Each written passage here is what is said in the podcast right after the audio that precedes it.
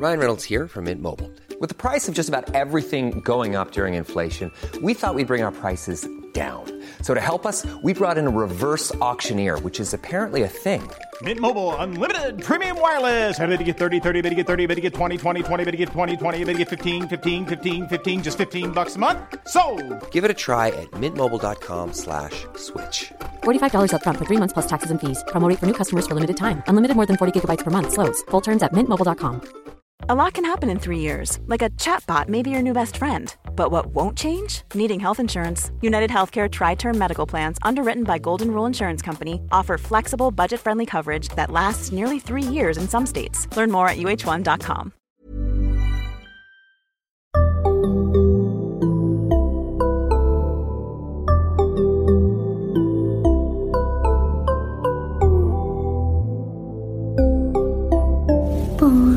Barnpsykologerna.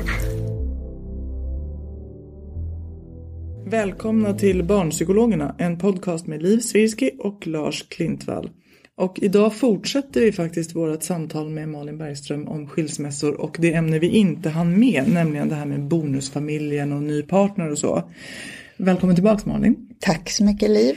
Eh, och ni som inte har lyssnat på det avsnittet, gör det. Mycket spännande, det förra avsnittet. Eh, där ju du presenterar, men du kan väl kort säga varför just det här med skilsmässa och så är ditt ämne. Vad du, vad Ja. du gör på den fronten. Jag är barnpsykolog men forskar sedan 2011 i ett projekt som heter Elvis-projektet och växelvis, eller Elvis betyder eh, är en ordlek med ordet väx-Elvis, alltså barn som bor växelvis hos båda föräldrarna omväxlande efter en föräldraseparation. Just det.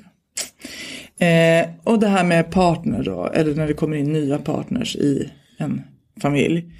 Eh, och då, där tänker jag att det också finns två stora frågor. Den ena är hur presenterar man en ny partner och hur ska bonusfamiljen få sitt liv att fungera? När flyttar man ihop? När, så. Eh, Man kan säga att fråga nummer två där är rätt så omfattande. Hur får man sitt liv att fungera? Okej, eh, vi, vi krymper den lite. Men om vi börjar med bara så här. När presenterar man en ny partner för sina barn? Hur ska man tänka kring det? Ja, man kan väl säga ett A är att man inte säger att det här är en kompis. Utan att om man tänker att, att man faktiskt ska låta barnet träffa sin nya så får man säga att, att vi har börjat tycka lite om varandra. Eh, så jag tycker det skulle vara kul om ni fick ses.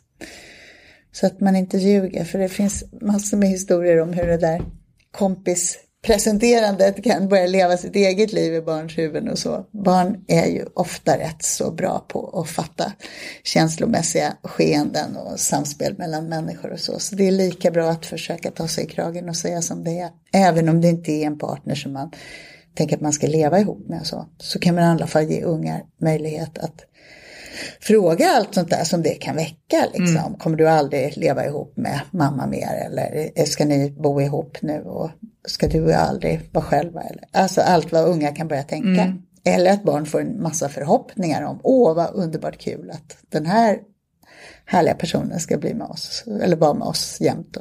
Just det. Då blir min nya föräldrar. Men sen kan man säga så här också kring det där att introducera sin nya kärlek för barn. Att en skilsmässa för barn, det är liksom ett startskott i en massa förändringar i ungars liv.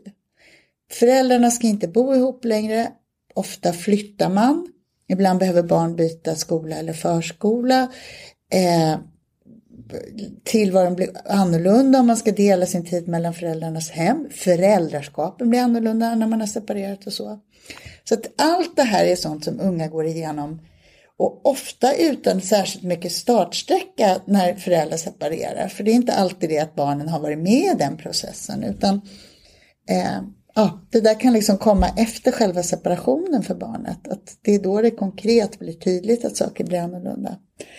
Eh, och det där kan man väl ändå liksom ha en liten känsla för. Att nu befinner jag mig här i den här nya roliga delen av att jag har separerat. Att jag faktiskt kan få ha en ny partner med allt härligt som det är.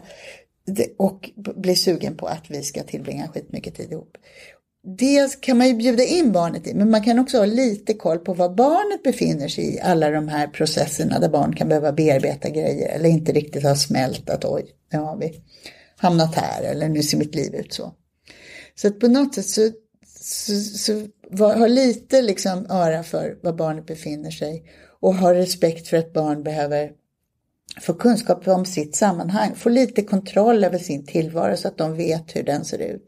Och därför skapa liksom ett samtalsklimat där barn får fundera över sånt och vi kan gå in och hjälpa dem med eh, att berätta om det, hur vi har tänkt oss att tillvaron ska se ut. Mm.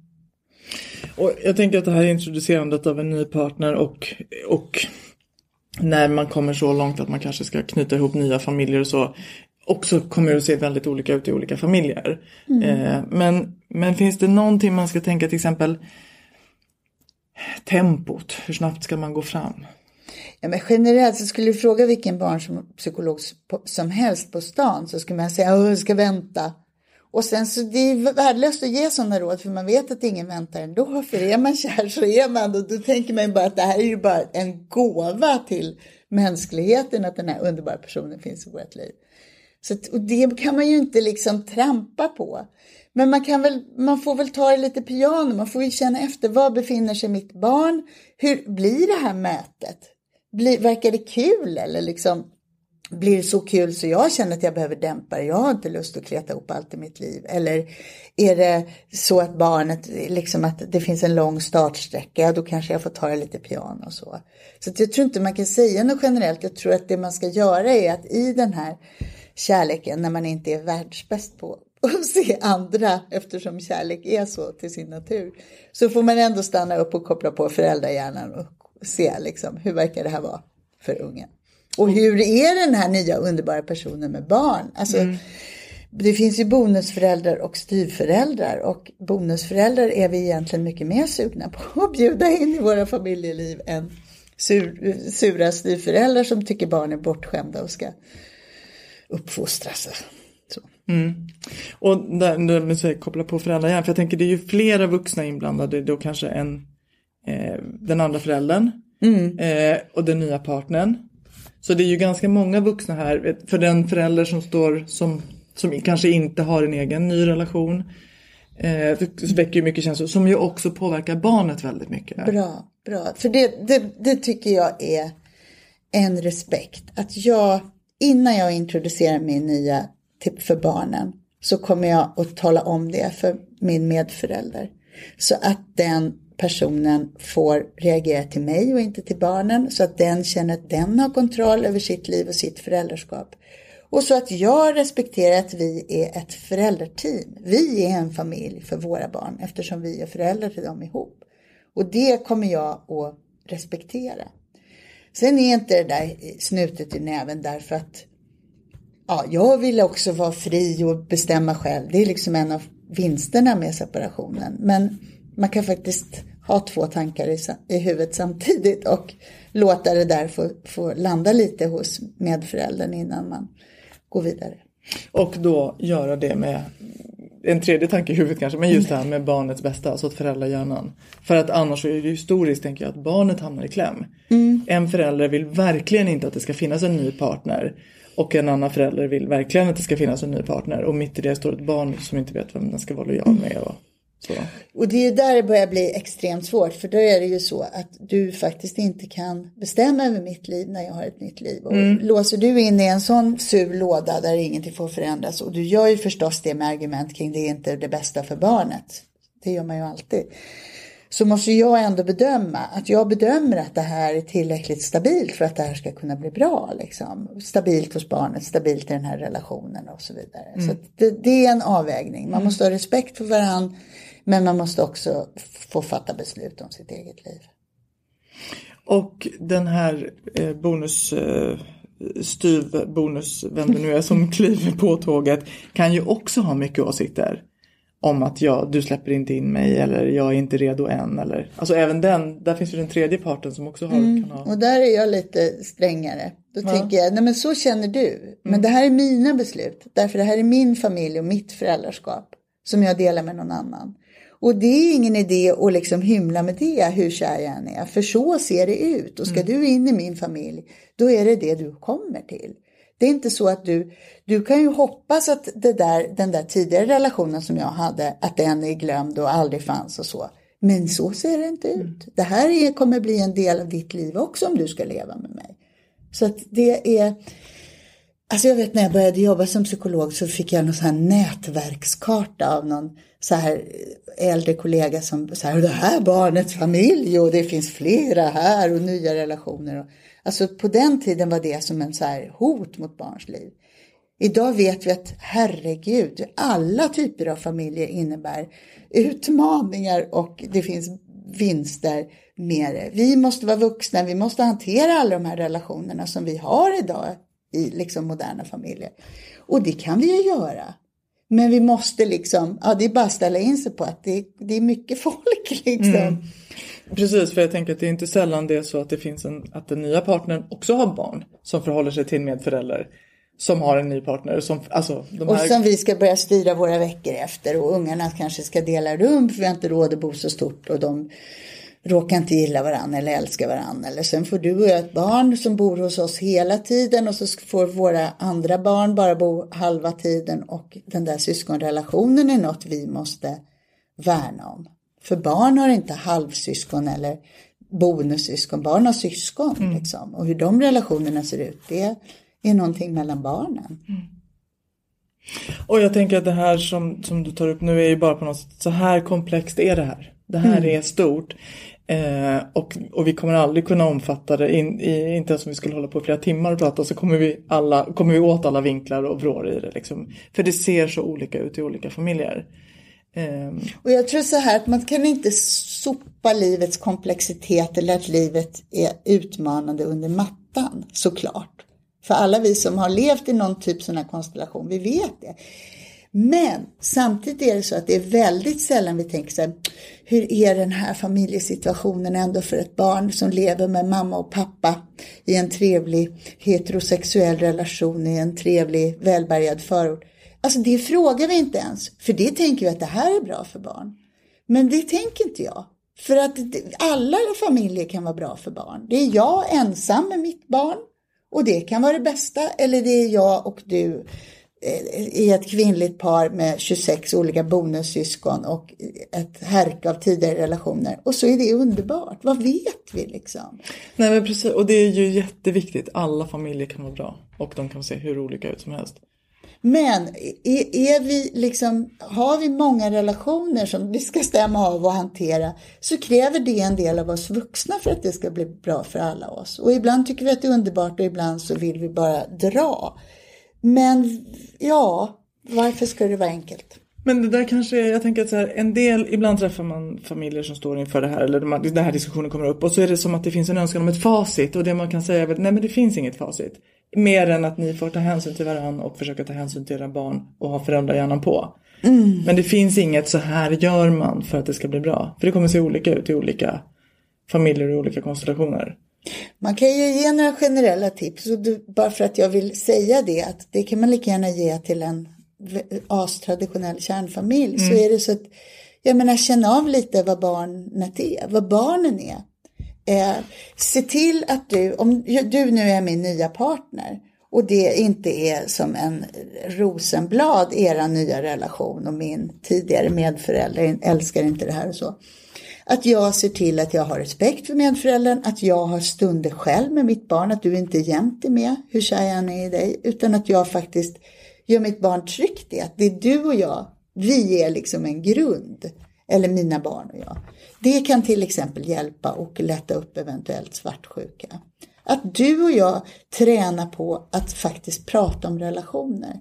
Så att inte du sitter med en sur mun vid matbordet och gnäller över att mina barn är ouppfostrade. Utan att du och jag då pratar om när ska du vara med och säga till mina ungar? När är det jag som är som, som förälder som avgör? Och hur ska du och jag hantera det i våran relation? Och att du också har koll på när du kommer in i min familj att jo men jag har den här medföräldern och jag har de här barnen. Det är det som är paketet. Och inte en jättesöt liten Malin som är helt obunden från allting annat. Liksom. Och kan vi snacka om det där och i bästa fall skratta åt det så kommer vi eh, liksom, så kommer det där bli fina fisken. liksom. Ja, och, och det är ju ja, precis. Jag tänker att det där är så otroligt viktigt att vi kan prata om det. För att vi behöver hitta flexibla lösningar utifrån den situation som är. Liksom. Men också tänker jag det här som vi också tog upp i det andra avsnittet.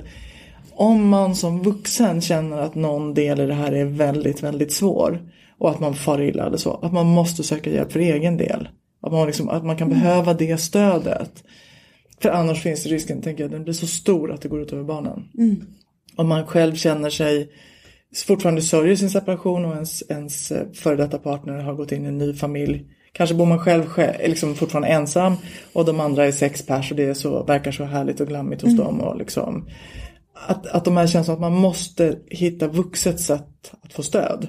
Så, att man, så att det inte går ut över barnen. Och ändå komma ihåg att det där kommer alltid finnas. Man, man är alltid liksom en, en liten parallell till sin medförälder. Det, det känns alltid det där på något sätt. Och att inte gå in i en kamp eller dragkamp eller tävling då, det är ju jätteviktigt. Och jättesvårt. Och sen tycker jag också att man, du säger söka hjälp, men det är också viktigt hur man pratar med dem vi pratar mest med, det vill säga våra kompisar eller vår partner. Så att vi inte odlar prat som handlar om vilken sopa jag har till medförälder eller hur jobbiga min part, nya partners ungar är, de är bortskämda. Eller, alltså att vi faktiskt sök stöd på ett sätt som gynnar dig. Och gräv inte liksom ner i någon skyttegrav som leder åt fel håll. Det är, för vi är, det är så lätt att hamna i sånt där dåligt prat som gör att man får bekräftelse på svårigheter. Men det är inget, det leder inte framåt liksom. Har man en sån här familjesituation så behöver man få stöd och lösa den. Inte att få stöd i att, att du är bra och alla andra är dåliga. För det går inget bra. Och där tänker jag då att man faktiskt, om du som lyssnar är vän, alltså hjälp, om, för att den som är i kris kan ju ha ett behov av att vältra sig i det här och ha svårt att märka när den gör det. Men att man då som vän faktiskt kan säga, du vet vad, kan vi, ska vi prata om något annat nu? Eller ska vi prata om det här på ett annat sätt? Den som liksom har lite klarare huvud i det här. Så att man, för det, det kan ju ibland vara, vara förledande lätt som vän att, åh gud stackars dig och ja det låter ju fruktansvärt. Men det hjälper faktiskt inte den som Nej, inte om man liksom, inte om man gräver ner sig i att, att, att den, här, den där är dålig eller så. Alltså man behöver odla den där, man behöver faktiskt odla någon slags lojalitet också till sin medförälder och till sina barn. Sen vill jag säga en annan sak som är kanske deppig men som handlar om bonusföräldrar. Att jag tycker att det finns en kultur bland bonusföräldrar eh, av att inte vara så vuxna gentemot barn som man är som biologisk förälder. Och jag hoppas att ingen känner sig träffad, men jag har ändå stött på det så mycket så att jag vill säga det. Att det är mer okej okay för mig att sitta och prata om hur extremt jobbiga och bortskämda de här ungarna är som jag åker på och bor med varannan vecka. Där man som förälder inte skulle prata så om sina egna barn. Därför att där är man så stark i att jag, jag har, bär en del av den här relationen. Jag behöver hjälpa dem till ett trevligare beteende och så. Och det skulle jag vilja säga att det måste man faktiskt göra också som bonusförälder om man ska vara nära barn. Alltså om jag tycker de bara är en plåga så kommer de bli en plåga och vårt hemliv kommer bli svinjobbigt liksom. Och det är ingenting som jag kan säga att det är ditt ansvar som deras biologiska föräldrar att styra upp eller det är du som inte hanterar dem och så här. Utan det är jag som vuxen, det är jag som bonusförälder som måste göra min del i det där pusslet för att vi ska få en tillräckligt bra relation för att kunna bo ihop. Och får vi inte det, då kanske vi faktiskt inte ska det därför att det är inte bra för barn. Och det låter som att jag är en riktig mästrare och det kanske jag är. Men det är också så för att jag har hört så många historier om folk som ignorerar barn vid matbordet. Man ger inte ögonkontakt. Man ska straffa dem och de får minsann själv för att de har tagit ens hårschampo. Eller... Alltså så är det att bo med barn. Mm. Man, liksom att man råkar bli av med lite hårschampo ibland. Liksom. Och det måste man gå in i om man ska bo med en annans barn. Man måste jobba på att gilla dem. Mm. Eh, ja, mm. bra råd. Verkligen. Eh, och där säger du också några saker som är som liksom highway till att det inte ska funka. Eh, att just, liksom, du, du är ju inne på några sådana gör man på det sättet så är det stor risk att det faktiskt brakar. Att det inte blir så bra. Därför människor är inte på ett visst sätt, utan människor blir till i relationer. Och där är jag en stor del av den där relationen, om den blir deppig och jobbig. Nu vill man ju nästan sätta punkt där. Eh, Människor blir till i relationer. Det är ju ett bra... Men du, vi sparar den, du får, du får ta den som slutord om en stund. Jag bara tänkte så här, om du skulle ge dina tre hetaste tips, den som ska gå in i bonusfamiljen. Kommer du på tre grejer? Ja men du har nästan redan sagt det, bara sammanfatta dem. För att få det att funka. Alltså bejaka din kärlek och bejaka din frihet, men gör det med lojalitet om din medförälder. Ha, var upptagen av det här härliga nya, men koppla på föräldrahjärnan och lev dig, sätt dig i barnens skor ibland så att du inte det inte går liksom att man glider isär där i sina perspektiv. Eh, och om du är bonusförälder så jobba på att skapa bra relationer till barnen. Försök att tycka om dem, hitta sätt att tycka om dem, för annars blir det aldrig trevligt. Jättebra. Man blir till i relationer. Vi slutar med det. Tack så jättemycket Malin. För ännu ett spännande avsnitt. Tack Liv! Eh, och för er som lyssnar, det kommer ett nytt avsnitt snart. Till dess följ oss på Barnpsykologerna på Facebook och på Instagram där vi heter Barnpsykologerna understreckade podd. Hej då! Hej då!